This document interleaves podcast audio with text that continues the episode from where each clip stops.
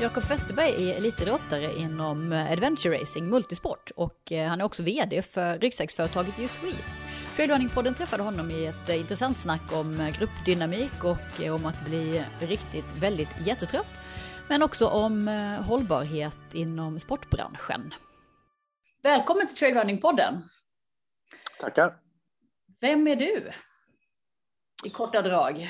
Ja, jag är ju vd för uh, Use Sports eh, som, som är ett företag som gör eh, hydration packs och ryggsäckar och löparvästar. Eh, och sen är jag eh, på sidan om så är jag adventure racer eh, och springer en hel del eh, traillöpning också. Så jag tänker att det är därför som vi kanske pratar idag. Precis. Vi börjar i den där änden med, har du alltid varit löpare? Nej, Eh, det har jag inte. Jag eh, startade min idrottskarriär för många år sedan när jag var liten och bodde uppe i Piteå. Eh, och då höll jag på med skidåkning, mm. längdskidor. Så, så jag började en, en konditionsidrottskarriär då när jag var, var, ung. Hade fallenhet för konditionsidrott, skidåkning, passade jättebra i Piteå då, så det, så det åkte vi där uppe när vi var små, jag och min brorsa. Sen i skidåkningen så har man ju väldigt stor länk över till löpning. Eh, och vi hade ju redan då sådana läger som vi hade på sommaren uppe i fjällen så man fick känna på det här med fjälllöpning så man fick springa upp i, i fjällen innan det var riktigt tillåtet att springa där uppe för det fick man ju knappt för då skulle man ju gå med stor ryggsäck ute på flera dagar så här fjällvandring med tält och så. Ja. Så, det, så det, det var ju något som har bitit sig kvar eh, hos mig. Sen Eh, så sprang vi så här lilla Lidingöloppet och höll på som ungdom också eh, så att man fick känna på hur, hur den biten var. Sen kom jag bort från idrotten helt, eh, så jag har gjort helt andra saker i flera år innan jag fick egentligen träffa min nuvarande fru och vi flyttade ihop, fick barn ihop och då tog jag upp det igen och då var jag väl mid 20 kanske, 25-ish kanske ja. när jag började. Var det så att hon... Vi... Ja, förlåt. Ja, hon, hon, hon kom från orienteringsbakgrund. Ah. Så hon eh, introducerade orientering för mig och eh, jag tänkte att det här ska jag lära mig. Mm. Och det gjorde jag. Och tyckte att det, var jättekul. Och vi sprang massa med orientering och tävlingar ihop då på eh, ganska hög nivå. Mm. I Sverige, hög nivå i Sverige i alla fall, så elitklass och sådär. Och sen utifrån det så, så blev eh, utmaningarna var ju att man ville ha mer och mer utmaningar, i alla fall så, så funkar jag. Så då gick man på längre och längre distanser. Man, var, jag var med och sprang det här ultralång orienterings-SM och tyckte det var kul och kände kroppen funkar bra på längre distanser. Eh, sen så testade vi på multisport då eh, någon gång för länge sedan mm. i det som var svenska multisportscupen på den tiden. Mm. Och, Ni två tillsammans då? Ja, då körde vi tillsammans. Eh, Helene körde nog en tävling först med en kompis och sen körde vi tillsammans. Och sen eh, började vi med det här som fanns då. Fjällorienteringen fanns ju uppe i Funäsdalen, Tänndalen området där. Så det var vi med på och kände att det här med längre är ju helt rätt. Så då söks man in i det med, med långa tävlingar, multisport och, och eh, sen eh, successivt så drog man upp eh, ja, man sköt gränsen framför sig. Då blev det 24 timmars tävlingar ganska snart. Eh, och efter det så har vi börjat med då de här längre adventure racing som är eh, någonstans mellan tre och sju dygns tävlande. Eh, där man paddlar och springer och eh, cyklar. Och det är ju orienteringsmoment i det också, så man har navigationsmomentet är med hela vägen då i mm. adventure racing. Eh, Men, sen, eh, sen när man gör de här långa grejerna så har jag har sugits in mot löpning hela tiden eftersom jag har det på något sätt i, i grunden. Så, och då har det blivit mycket eh, långa löplopp också. Mm. Traillopp av olika slag. För att det är kul och för att man har den träningen då så att man klarar det när man kör adventure Ja, precis. Um, jag tänker ett ultralång SM-orientering är en två och en halv timme ungefär, lite drygt, mm. tre kanske. Men Um, nu pratar vi om betydligt längre distanser och, eller tid att hålla igång. Hur, um, ja, du, kände du att du bara blev bättre och bättre ju längre det blev? Eller hur, hur kom du in i att det skulle vara så långt? Så att säga? Ja, det kände, det kände jag och det kände Helene också. min fru. Då. Mm. Vi, kände, vi, hade, vi kände det båda två och vi kände att vi dessutom i multisport kan du göra det ihop och det tyckte vi var jättekul att kunna göra. Mm. Eh, både tävla och träna ihop på det sättet. Nej, men absolut, det, det, kände jag att jag hade en läggning för att det funkar. Eh, jag ska inte säga att det funkar bättre och bättre, men det funkade lika bra att fortsätta. Ja, eh, men man ser att andra kanske inte får det att fungera efter ett tag. Mm. Eh, sen är jag fortfarande så här, jag gillar ju när det går fort, så jag försöker springa fort och länge, så jag försöker lösa den möten. Ja, hur går det då? Nej, men det, det, det, jag har ju som filosofi de här loppen att det, det, tiden är ju mycket din värsta motståndare mm. Eh, i ett långt lopp. Eh, ju längre tiden går, desto längre sträcka tillryggalägger du i långsam hastighet. Mm. Och ju, ju, snabbare du kan göra det, desto mer vinner du egentligen i slutändan procentuellt. Eh, nu får man inte överdriva det, man måste lära känna kroppen såklart så att man verkligen är på rätt, eh, rätt sida av alla gränser. Men, men gör man det på rätt sätt så har man mycket att vinna totalt då, på ett långt lopp.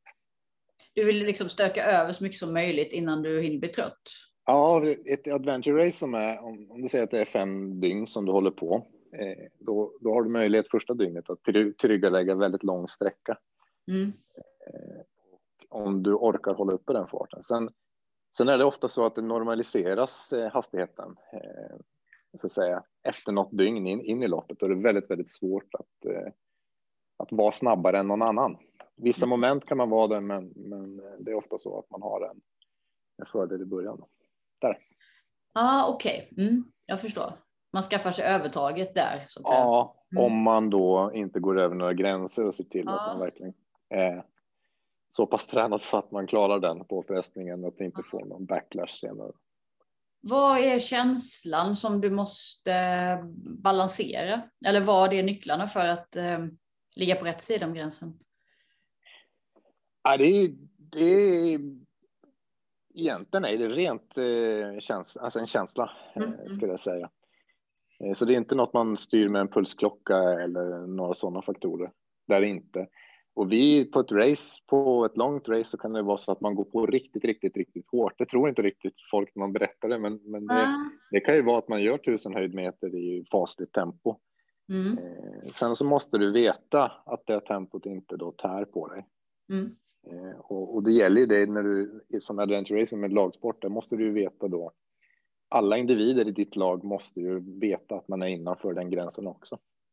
Så att man inte ja. pushar ut någon, eh, så att inte någon går för hårt. För då lider Exakt. hela laget. Så. Precis, för ni är fyra stycken i ett lag va? Mm, det är man. Mm. Eh, på de långa racen så är man fyra. Mm. Med minst en dag motsatt kön i laget. Just det. För det, det är ju en eh, ganska stor skillnad mot att um, klara sig själv igenom någonting. Att um, man uh, måste se till att alla håller. Ja, definitivt är det. Ja. Och fördela dem. Man måste känna varandra väldigt bra och veta vem som ska ha mest packning, hur man ska fördela i kanoter exempelvis. Den starkaste ska vara med den svagaste eller hur man sätter de mm. olika delarna där. Mm. Eh, man kan också hjälpa varandra med när det går i början av ett lopp kanske man använder någon snodd mellan, mellan varandra för att eh, hjälpa dem som är lite långsammare att springa till exempel. Mm. Men men det är en dynamik i, i laget som är jätteviktig, att man, man känner varandra och vet att man inte eh, stretchar gränserna för någon för mycket, för det får man ju inte göra, för då kan, det bli, då kan det bli att man, någon bryter ihop och inte klarar det helt enkelt. Eh, så det, det, det är en av de fascinerande delarna med det också, måste man ju säga. Absolut. Ja, förstår verkligen det, för det måste ju också vara det här att man får inte ha för mycket prestige som lagmedlem i att säga att nu pallar jag inte mer. Eller jag måste vila, eller jag måste gå eller ja. Samtidigt Nej, som jag gör allt för laget. Eh, det är det, man får inte, man får inte bara titta ner i marken och tänka att man genomlider det om, om man inser att det faktiskt eh, kommer att få konsekvenser. Mm. Eh, och det är de bitarna som är svåra att lära sig. Det är det. Mm. Och ta lite tid och, och, förstå och det är inte så lätt vid första långa sådana racet att, att veta vart kroppens gränser är. Nej. Det är många gånger man känner sig ynklig och svag och så, men, ja. men har man då gått över gränsen eller är det bara att man känner det? Det måste man. Det lär man sig. Det lär man sig efter ett tag. Ja. Så, och sen kan man hantera det och då är det också lättare att känna sig ynklig och svag för då vet man det. Nu känner jag mig ynklig och svag men jag kommer inte att göra det i all evighet. Lite längre fram och då blir jag stark igen. Ja. ja, för det är så. Det går väl i riktiga ja, ja. Absolut, absolut, det gör det. Och jag har eh, exempel till och med där jag blivit eh, sjuk på ett, eh, på ett race. Eh, jag åkte på en magsjuka virusinfektion eh, och var magsjuk. Eh, och det vi gjorde då att vi tog ett lite längre stopp, men jag fortsatte att vara magsjuk sen när vi gav oss vidare mm. på den resan. Och den känslan då av att gå ifrån att vara sjuk när du fortfarande är ute och racear, så det är kanske den värsta upplevelsen som du någonsin har. Och sen känna att det börjar vända, den blir väldigt, väldigt stark. Eh, att känna att nu börjar kroppen hitta nya krafter och viruset eh, trycks ut och du börjar bli frisk. Ni var ute så länge så att du hann eh, bli frisk under vägen? Ja, precis. Mm. Det var en, precis. Det, var det. Det låter som en helt fruktansvärd upplevelse för att när man har varit magsjuk personligen ja. så ligger jag på soffan i minst ett dygn efter en sån grej och är helt ut, urlakad. Liksom. Ja, det är nog den absolut värsta upplevelsen som jag har haft tror jag. Kliva runt på ett berg ja. eller i en skog, det låter inte lockande. Nej, det är inte okej. Okay. Eh, det känns absolut inte okej. Okay. Och man måste ju också där på något sätt hitta sin gräns så att man inte gör något som är direkt skadligt. Då. Ja. Såklart för kroppen. Men, men, men den gången fungerade och, och det vände under tiden så att säga. Men, men man blir ju otroligt kraftlös när man är, har någon maginfektion. Och det, Exakt. Det, det känns inte alls jättekul att behöva bestiga något berg då eller cykla några hundra höjdmeter upp. Nej. Men eh, hur, ehm, man måste hålla lite koll på varandra också antar jag? Ja, det måste Försöka man. se när de andra börjar ja, hamna fel i eh, energinivåer yes. eller vad det må vara. Ja. Det måste man och, och, och samtidigt så, så är det viktigt också när man, när man ger sig ut att alla i laget vet vad som förväntas av en vad gäller sådana saker. För det är jätteviktigt att man sköter sig själv. För när du är där ute och, och är riktigt trött efter tre dygn, du kanske har sovit vid ett tillfälle på en halvtimme, mm. då, då är det svårt, även om du jag ska säga, intellektuellt innan loppet vet att du ska ha koll på dina lagkamrater så kanske du inte har mer kraften att hålla koll på dig själv. Nej. Så det är jätteviktigt att alla kan eh, ta ansvar för sig själv i första hand. Mm. Eh, och sen får man då så gott man kan gå in och hjälpa varandra med det. Men absolut, man måste vara prestigelös, precis som du säger också. Ja, man måste, man måste acceptera och att man är svag ibland. Mm. Eh, och inte tänka att det är något problem i att man är det. Man måste absolut kunna säga det. Nu mm. är jag svag, jag behöver hjälp, annars finns det risk att det här kommer att gå åt skogen. Alltså. Mm. Och det, det, är ofta som, eh, som eh, killar har problem med det. Kan ja. att, att ta det. Eh, för det är ju tjejer med i laget. Vi ska vara både killar och tjejer i alla mm. lag. Mm. Och det är många som, som av någon anledning har problem att erkänna det då, speciellt när det är tjejer med. Att nu är jag svag. Ja. Men, men det måste man klara, annars så blir man inte så framgångsrik tror jag.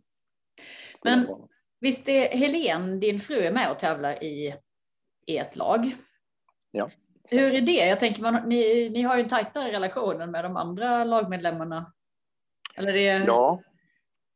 Eh, jo, men det har vi ju. Ja. jag tänkte det skulle bli lätt att man, eh, ja, jag förstår vad jag menar. Ja, mm. men eh, det, vi, vi har ju tävlat och gått igenom många sådana kriser som man går igenom på tävling ihop. Eh, mm. Där där båda har mer eller mindre brutit ihop då i, i början när vi började med de här långa grejerna. Ja. Och vi har tagit, i, tagit oss igenom det och, och hittat en strategi för, för, hur man ska göra då, fast man är ett, ett par ute på, mm. på tävling. Och det, vi, även om vi känner varandra då väldigt utan och innan då, eh, så behöver man ju inte fundera över det ute på tävling. Men, nej. Eh, nej, men absolut. Man får gå in i, i tävlingssituation och så där är det tävling. Där är vi inte man och hustru, utan det är som det är lagkamrater och det är samma både tuffa regler som gäller mellan oss som mellan någon annan. Mm. Så ja. Och sen, eh, sen är ju om man klarar igenom racet, man tar sig till mål, eh, bara det är ju ofta i sådana här långa, långa lopp en, en, eh, en bedrift då, som man är väldigt stolt över efteråt. Och då att dela det ihop är helt fantastiskt då, mm. att kunna göra. Så det är ju det är en jättekick att kunna göra. Inte bara med ett lag utan också med den man bor med. Då. Och ni, ni tränar ganska mycket tillsammans också kan jag tänka mig då? Ja, det gör vi. Eller? Ja, mm. men det gör vi absolut. Mm. Det blir det och det blir ju definitivt hjälp i, i motivationen när den är periodvis nere och när det är mycket annat som man har att göra så, så hjälper vi varandra och motiverar oss ut och sticka ut i den där blåsten eller vad det är för någonting. Ja, det är häftigt att, att ha ett gemensamt mål på det sättet. Det är ju ganska ovanligt. Mm. Nej, men det är det absolut. Eh, det, det är häftigt och kul och det är kul att kunna dela det. Mm. Eh, och, nej, absolut, det är det. Eh, rekommenderas. Ja, jo, vi får se om vi, om vi skulle klara oss igenom det. det skulle gå. Ibland så klarar vi inte av ens av ett långpass i fjällen utan Nej, men sen lär man sig, man, det är ju som man lär sig på de här långa loppen så det gäller ju också ultralöpning tänker jag, det är lite samma. Man lär sig otroligt mycket om sig själv, hur man reagerar i extremt stressfyllda situationer. Eh, och det som kommer till då i adventure racing det är att du, du lär dig väldigt mycket om laget och lagdynamiken. Hur funkar jag i en lagsituation? Eh, mm. När jag inte har sovit och kanske ätit på flera dygn och är väldigt trött och stressad över ja. Det låter utvecklande verkligen. Ja, men det är det och det, det är jättefascinerande och, och är det eh, och på något sätt titta på sig själv på det sättet och tänka vad man har, vad man har lärt sig och hur man kan ta med i, som jag tänker också i arbetslivet och i livet i övrigt då. Ja. Man, får en, man får en annan stresstålighet kan jag tycka av att utsätta sig för de situationerna, veta att man klarar av det mm. och ha det med sig i, i vardagen också. Då behöver man inte stressa upp sig kanske för små saker på samma sätt som man, som man hade gjort annars. Så tänker jag att det, det hjälper ja. mig i alla fall. Det blir ju ofta, jag menar, det blir ju, um, det är ju kanske inte på liv och död när man är ute i de där situationerna, men ibland kan jag tänka mig att det nästan är det och att det framförallt kanske känns som att det är det. Ja, uh, precis. Ja. Det, det, blir i alla fall den, istället för liv och död så blir det ju det, man utsätter sig för mm. något som är extremt svårt. Ja. Eh, och det är bara där och då som gäller, absolut. Mm, precis, och då, jag vet inte, men är det då lättare att uh, i en situation på jobbet mm, ta ett steg tillbaka och känna att ja, men så farligt är det inte? Ja, det är det definitivt. Mm. Eller i, i vardagen hemma. Ja. När maskinen går sönder. Eller? Ja, exakt. Nej, men det är det. det man, lär sig, man lär sig det eh, definitivt och det blir lättare. Så mm. det, det, jag, jag tror att det och jag tror att det, det ultralöpare har med sig också, att det är samma, det är samma lärdom man får på något sätt om sig själv. Mm. Man kan relatera till vardagen på ett annat sätt. Jag tycker det är intressant, för varje gång man går igenom det där och blir så där trött, bortom trötthet, så lär i alla fall jag mig något nytt om mig själv. Det ja. finns det är massa olika nyanser av tröttheten och reaktionerna på den. Nej, men absolut. Mm. Ja, men det är det. Definitivt. Men eh, vet man hur länge man, du snackar om tre till sju dygn, fem dygn. Vet man hur länge man ska hålla på eller beror det på väder, vind, omständigheter? Ja, ja det, det gör det. Ofta är det ett sånt här lopp indelat i eh, olika sträckor där det är olika aktiviteter. Då. Det kan vara löpning, cykling och paddling som är huvudingredienserna. Så kan det vara lite klättring och lite andra moment i, i loppet. Då. Så det du vet innan det är en roadbook som, ut, som visar de här sträckorna mm. Eh, och visar också då vilka platser du kommer att växla på. Eh, så, så, så, transition areas, TAs.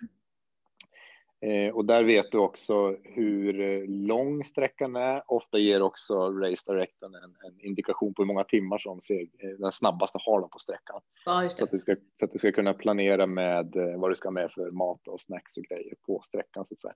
Mm. Så, så när du ger dig ut så har du ofta skaplig koll på eh, sträckorna, mm. hur långa de är. Eh, men sen är det väder och vind och det, när en sträcka blir riktigt lång kan det vara stora skillnader beroende på mm. eh, om det är natt och dimma respektive om det är där på dagen och det är solsken. Så det kan, mm. måste man också ha i beräkningarna då när man gör sin egen plan på det. Och sen vet du också en, en beräknad eh, segrartid, totaltid på, mm. på ett lopp. Och mm. gör, eh, gör, den, eh, gör den race directorn rätt då så ska det vara ganska nära verkligheten. Eh, har man alltid bra kartor så att man hittar eller är det en eh, osäkerhet? Nej, jag skulle säga att man nästan alltid har kartor som är väldigt dåliga. Eh, alltså det är ofta schematiska kartor. Eh, ett, det är ofta ställen och platser eh, som inte har de bästa kartorna heller, ska man vara helt ärlig. Vi har ju varit som där det inte finns kartor överhuvudtaget, sådana ställen. Och då kan det vara att de hittar någon karta som är 30 år gammal och som, mm. Som de lägger då, eh, den banan på. Då kan det finnas vägar som inte är med. Det kan finnas små byar som inte finns på kartan. Det, det kan vara mm. väldigt eh, varierande. Då. Men vad det, ja, förlåt. Mm, det, men det är en del av, eh, av sporten att eh, ja. navigeringen. Det är inte som en orienteringsnavigering där man ska hitta 20 kontroller på bästa tid, utan det, det, kan, vara, det kan vara 20 kontrollpunkter som man ska hitta på, på tre dygn, mm. om ens det. Mm. Och man ska, det är själva vägval och att hitta fram som är det som är det viktiga.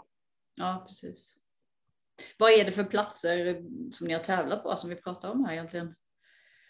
Eh, vi har ju tävlat i, eh, vi har tävlat i Nordamerika flera gånger i, i Wyoming som har varit helt fantastiskt ställe tycker jag att tävla på. Då. Ja. Eh, på, på lite olika, i olika nationalparker där. Eh, och sen har vi tävlat i, i Europa en del i Spanien. Eh, Spanien kommer VM att gå i år så det ser vi fram emot att åka tillbaka till. Mm. Eh, så har vi tävlat i, i Kina i Xinjiang-provinsen. Mm. Där, där det är idag en polisstat. och som vi var där första gången och tävlade. Det var egentligen innan de riktiga så att säga, förtrycket hade börjat. Mm. Sen åkte vi dit en gång senare och Eh, då, då hade det redan förvandlats till en, en sorts polisstat. Så det var poliser överallt och det var väldigt otrevlig upplevelse att vara där överhuvudtaget. Eh, så. Men samtidigt en otroligt fascinerande och vacker miljö att tävla i. Ah, okay. Där, där mm. borta. Mm. Sen har vi varit i, i Sydafrika, i, i eh, KwaZulu-Natal-distrikten eh, där. Eh, otroligt fascinerande att tävla ute på landsbygden i, i Sydafrika. Mm. Eh, träffa både djur och människor som, alltså, som bor där ute. Det, som inte träffar särskilt många adventure racers normalt sett, men Nej. Som, som man får stöta på. Då. Så det lär man sig väldigt mycket om också tycker jag. Det är en stor kick att vara ute på några race. Så vi har varit i, i Brasilien, i, i Pantanal, i världens största träskmark. Ja. Och där finns det ett och annat att fiska upp. Ja, det, vi såg väl eh, några hundratusen alligatorer tänker jag när vi var där. Ja. Piraya, eh, Anaconda såg inte vi, men det var kollegor som såg. Eh, Jaguar eh, fick vi ett svenskt lag som gjorde en, en eh, nära upplevelse. Eh, det är ett väldigt märkligt ställe, men Nej, man tror när man läser om det tänker man att här skulle man aldrig sätta sin fot någonsin för att man, man är rädd för både naturen och sjukdomar och allt vad som kan finnas Exakt. där. Så. så kommer man dit och så dröjer det inte länge förrän man klafsar omkring i de där små vattendragen och har små alligatorer som simmar omkring. Nafsar i hälsenorna. Ja, Nej, märkligt. Men man kommer, in i, man kommer in i det också. Är det just att det är race mode som gör att man eh, kan filtrera? Ja, eller? Och sen, eh, man, jag tror inte att det bara är det, utan jag tänker att man, man, man lär känna miljön ganska snabbt. Okay. Vi människor är väl anpassningsbara på det sättet bara, på något konstigt sätt. Så att man, man har det nya normala. Det som, ja. Så är det här. Så här är det här. Det finns, eh, det finns små cayman-alligatorer. De, de, de kommer inte att anfalla dig, de kommer inte att bita dig. Nej. Och då, då, blir det bara naturligt att man har dem runt fötterna. Ja. Och sen kan man när man kommer hem så kan man ju tycka att när man springer i ett kärr i Sverige att det är rätt skönt att det inte finns några alligatorer. Ja, det kan man ju. Men just där och då så ja, det är så. Ja. Jag skrämde... Sen har vi varit i Kroatien också. Det ja. var ju senaste racet som var 2019 på, på hösten som vi körde mm. innan, innan pandemin. Mm, det var ju också en eh, jättefascinerande plats att, att köra ett race på. Mm. Man får komma både se de här turistställena som, som vi startade och gick i mål eh, vid, en, vid en resort, men sen kommer man upp i områden som ja, som, som ser ut ungefär som de gjorde efter eh, kriget som var ja. på 90-talet. Som bomb, sönderbombade hus och förstört och, och väldigt fattigt. Och ja. Fortfarande områden med, där man inte får beträda marken på grund av att det ligger minor kvar ute där och, mm. och sånt. Så man får se det också. Så man, kom, man, kommer till, man kommer till ställen som man inte trodde att man någonsin skulle komma till. Det är inte, det, det Häftigt utanför de vanliga turiststråken, milt sagt. Absolut. Mm. Absolut. Och sen är det eh, sen är det också då när man som vi gjorde där när vi gick i mål inne i ett sånt turist, eh, ja, på en sån resort.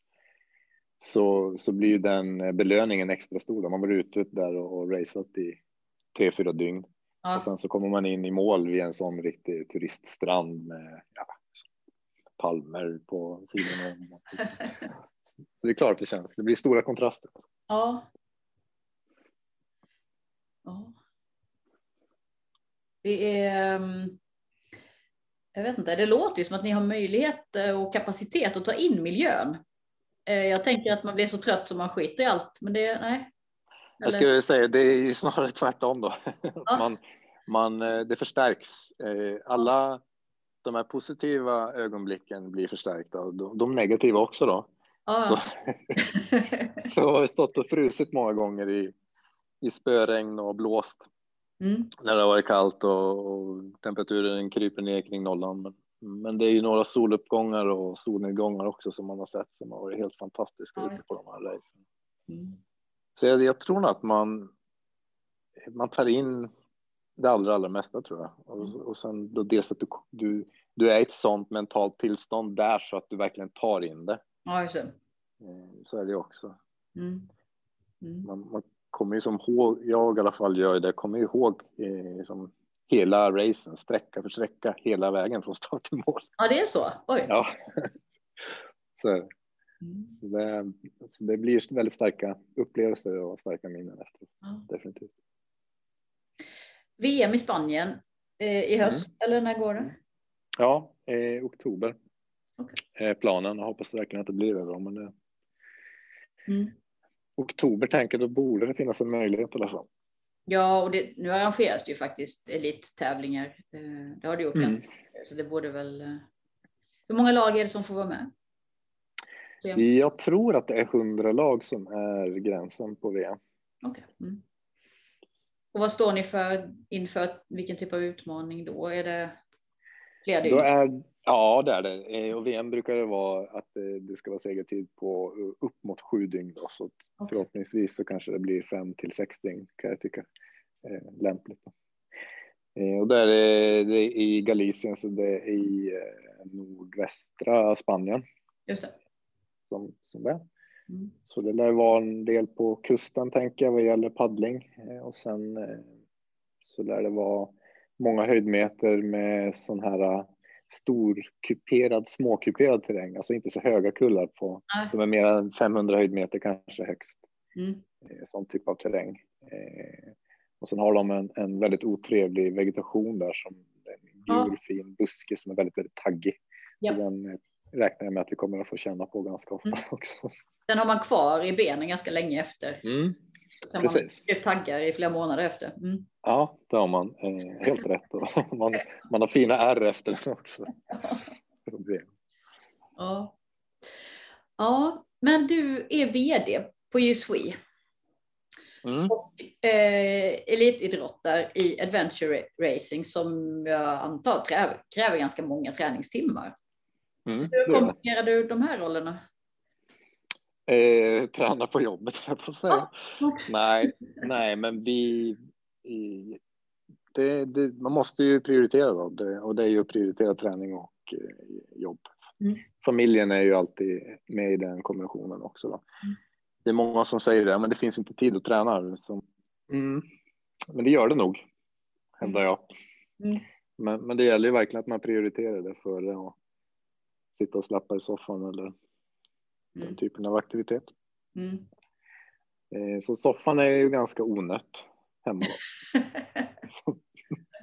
ja, då håller den längre, det är bra. Nej, sen försöker vi på, på jobbet att eh, alltså avsätta tid till träning. Alla ska kunna träna på, på jobbet. Mm. Men inte den kvantitet som krävs för, för adventure racing träning kanske. Så att det ska finnas möjlighet åtminstone att sticka ut på lunchen och ta sig en löptur. Mm. Den typen av träning. Men berätta om USWE. Mm. Ni är specialiserade på um, ryggsäckar för idrott kan man säga. Ja, eh, det är vi. Jag, jag har ju bara varit på USWE i drygt tre år. Eh, så, så jag kommer från eh, en annan bransch in i det här, men tog med mig mina kunskaper som jag har i adventure racing eh, Eh, och löpning också för den delen på i bergsterräng. Eh, och killarna på, på jobbet, de som startade Uswe, Karl-Johan och Jörgen, de kommer från motorsportssidan. Så de, de har åkt eh, motocross och enduro. Och de har utvecklat eh, ryggsäckar för eh, motocross enduro från början. Och sen eh, till mountainbike framför allt. Eh, så, så specialiserad på vätskeryggsäckar och mindre ryggsäckar för den typen av idrott. Sen har vi tagit eh, de här systemen som vi utvecklat eh, och eh, implementerat dem på löparvästar och löparryggsäckar. Och sen nu från, från i år egentligen, eller från 2020 så har vi gjort, eh, tagit vår speciella bärsele för vi har en speciell konstruktion på ryggsäckarna eh, som gör att de sitter väldigt bra. Eh, och då har vi tagit den konstruktionen och fört över den till lite större ryggsäckar så att man kan, man kan också vandra eller, eller sånt som, som jag gillar att köra adventure racing med. Okay. Den typen av ryggsäckar. Mm. Så, det, så vi är specialiserade inom små ryggsäckar med vätskesystem och lite större ryggsäckar upp till 30 liter då, som, som man kan eh, använda i väldigt, alltså högfartsaktivitet som vi brukar säga. Ja. De ska vara anpassade för att du ska kunna cykla snabbt, eh, krävande terräng eller springa snabbt i krävande, krävande terräng med ryggsäcken. Mm. Vad eh, gjorde du innan du kom till USW då, yrkesmässigt? Yrkesmässigt så var jag vd för en eh, laboratoriekedja i Norge, den norska delen av den kedjan.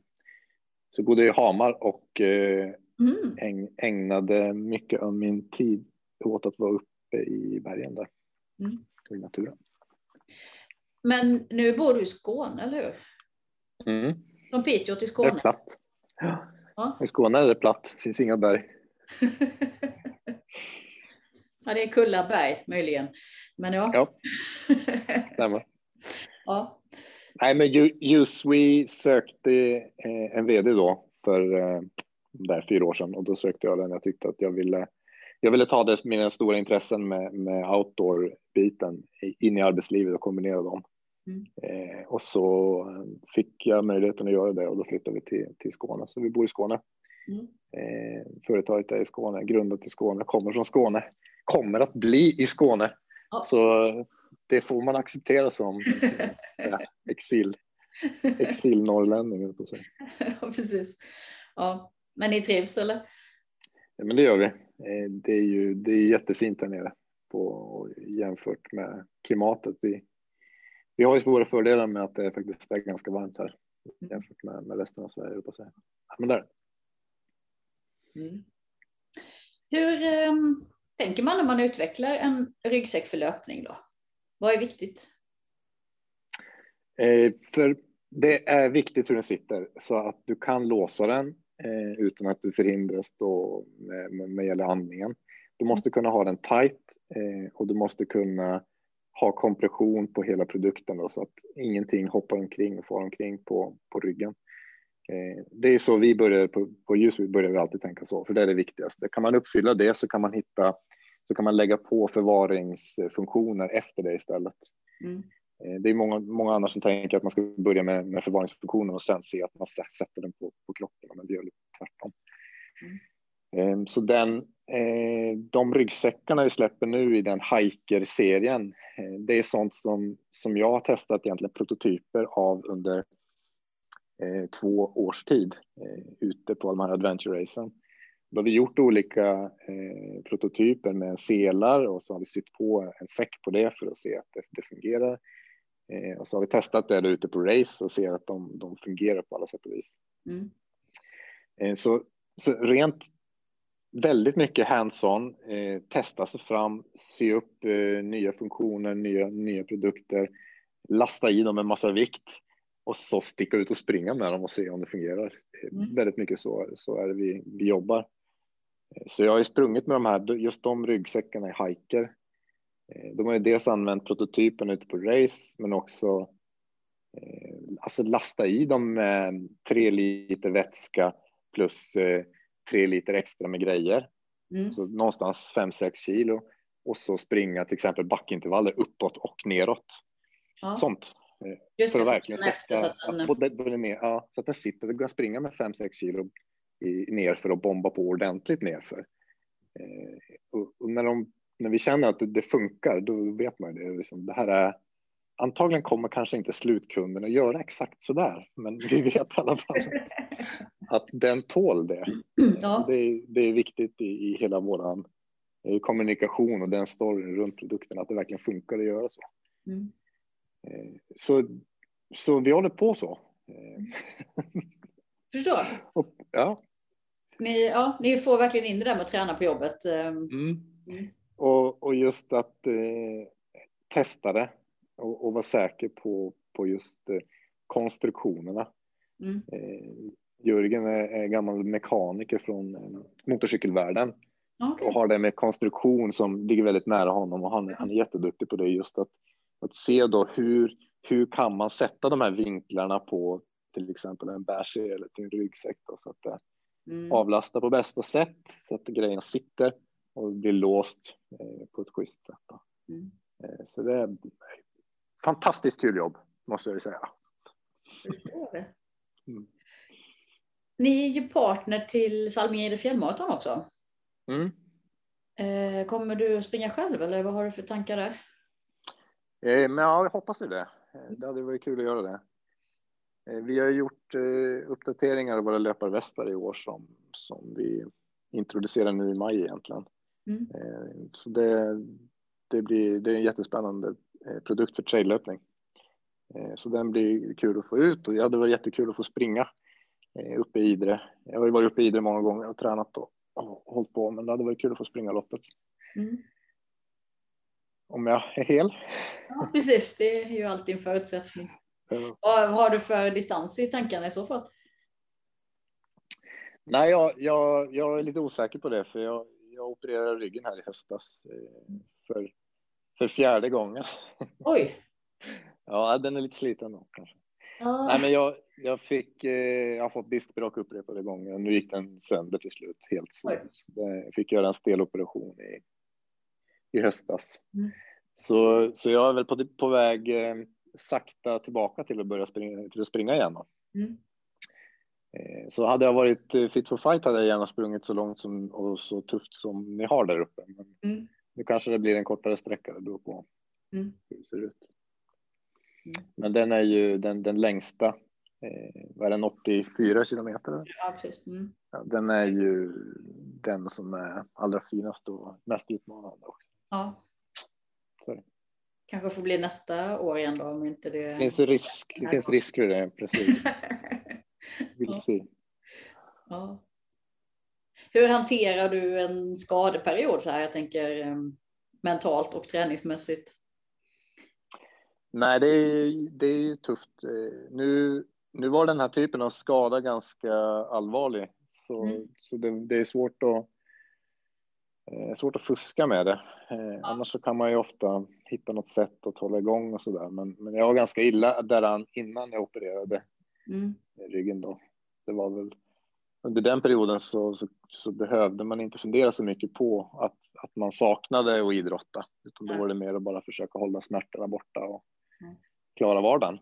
Mm. Men annars är ju det, det, det som är svårast är ju det att man, man ser vad man tappar och man så gärna vill ut och mm. fortsätta och, och, göra det man, det man alltid har gjort. Då. Mm. Det är det. Så det, det, det är tufft, är det. Eh, och, och, det är väl bra att det är det. Det betyder det väl att det är viktigt också när man väl är ute, tänker Ja, precis. Mm. Sen är det när man kommer tillbaka får man ju nu under den period som jag kommer tillbaka nu så har det varit mest cykel som jag kunnat göra för för ryggens skull då, men, men eh, då uppskattar man ju till och med att sitta inne och cykla på en trainer. Liksom så blir det en trevlig upplevelse också. Ja, ja. Bara första gången man får att svettas igen är ju en riktig höjdare. Precis. Så är det. det är så. mm. Vad finns det för eh, trender inom eh, din bransch vad gäller eh, ja, löparryggor då i det här fallet kanske främst? I ja, hela outdoor så är ju väldigt mycket som kretsar kring hållbarhet, eh, att man ska minimalisera vårt fotavtryck på planeten. Mm. Eh, det är ju det, det är en stark eh, trend som är viktig också för, ja, för alla i branschen egentligen. Mm. Eh, så det är den trenden finns väldigt tydligt och sen är det ju en, eh, en lättviktstrend som går igenom egentligen hela branschen också då. Eh, och, och, den är väl lite mer så att antingen ansluter du dig till lättviktstrenden eller så gör du det inte. Du kan välja mm. antingen eller. Mm. Medan hållbarhetstrenden, det är något som alla företag måste acceptera. Ja. det är den nya verkligheten. Liksom. Ja. Så är det. Vi, vi, måste tänka på det i allting, i alla produkter, i alla beslut. Så är det. Mm. Hur, vad tillverkar ni era produkter? Vi tillverkar dem i, i Vietnam, våra produkter. I, är det i huvudstaden. Är det svårt att liksom kontrollera hela kedjan, eller hur? Eh, ja. det, jag skulle säga att det är det. Eh, för många mindre företag är det det. När du när du först ska hitta en partner som ska hjälpa dig att producera dina produkter eh, så, och du kommer med ett ganska litet sortiment och, och ganska små beställningar, då, mm. då är det svårt. Eh, det är det. Nu har vi kommit så pass långt på vägen så att vi har kommit upp i status på, på fabrikerna. Och då får du också en helt annan typ av eh, plattform att jobba på vad gäller leverantörer och säkra upp kedjorna med underleverantörer på alla material och så att du, du vet att det är schyssta material och de är kontrollerade. Mm. Så, så, så det är lite diskriminerande mot, mot de små och de som vill etablera sig. Det är det definitivt. Mm. Sen finns det väl exempel på de som är upp, längst upp i näringskedjan också som missköter sig, men det är mera. Det är väl mera av den arten att de vet att de missköter sig också. Ja, ja precis. Mm. Sen har vi provat nu eh, att vi har gjort ett samarbete med Polygene eh, här i Malmö eh, för de här nya löparvästarna eh, just för att se hur en polygenbehandling kan minska miljöpåverkan då också hos slutkund. För det är också på produkterna så tittar man ofta på återvunna material och så vidare för att hålla en eh, så att säga, rimligt bra profil vad gäller hållbarheten. Men ibland så glömmer man ju bort då, vad händer nästa steg? Hur länge kommer din produkt att leva och hur mycket påverkan har den ute i konsumentledet då mm. på miljön? Eh, och, och det, Polygin gör en behandling av produkten som gör då att den, eh, den, den får en längre livslängd och den kräver att du tvättar den betydligt mindre. Då. Okay. Så den, den håller sig fräsch länge helt enkelt. Då. Och vi gjorde det Eh, på de här löparvästarna för att se om det, kan, om det får den effekt som vi vill mm. ha. Mm. Eh, och får det det, då, då ger det en positiv miljöpåverkan. Då vet, den lever faktiskt längre i produkterna. Sen att man, man Just det, ja. ja. för hur gör man rent en eh, löparväst när man har varit ute och blivit lerig och geggig? Ja, lerig och geggig så är det, då är det ju bra att tvätta den på, på definitivt. Men, men eh, ofta är det så att du, du springer och den är det, det som är att du har svettats i den så den är, mm. den är dyblöt av, av svett. Ja. Då är det ju många som slänger dem i tvätt, tvättmaskinen för att, för att tvätta dem varje gång. Mm. Och det, det, behöver man inte göra när den är polygenbehandlad. Då. Okay. Och då räcker det med att antingen du bara sköljer av den eller om du helt enkelt bara hänger upp den igen så använder du den igen. Mm. Och den, den känns fortfarande fräsch kan jag ju säga. Det är ju det som är själva nyckeln i det, för annars så förlorar man ju poängen. Ja, precis. Mm. Så det, det blir lite spännande att se. Det för oss som kommer från motorsporten så är det ny mark att gå in i det här som är outdoor nu. Mm. Eh, kanske inte för mig personligen, men för, för Useby som, som varumärke är det det. Mm. Så vi har, vi har en, en, en hel del sådana hållbarhetsprojekt som är på gång mm. som vi, vi kommer att implementera framåt. Så det, det, blir spännande att se och det är kul tycker jag då personligen att branschen tar det på allvar också. Mm. Så att inte, tidigare tycker jag det var mer som en, vad ska man säga, något, något ute i marginalen som man höll på med för att uppfylla någon annans krav. Ja, just det. Men nu är det mer drivande i branschen och det är faktiskt en trend på riktigt som folk bryr sig om. Mm. det är steg framåt tycker jag. Mm. För kunderna frågar? Kunderna bryr sig, eh, kunderna frågar, eh, återförsäljare bryr sig idag eh, och, och, ställer krav på leverantörer också. Mm. Eh, och då blir det en helhetskedja som där kraven ökar. Och då, då får varumärken och tillverkare anstränga sig för att hitta sätt att uppfylla kraven och ta det ännu längre. Mm. Det är också liksom viktigt. Ja. Viktigt steg att utvecklas också.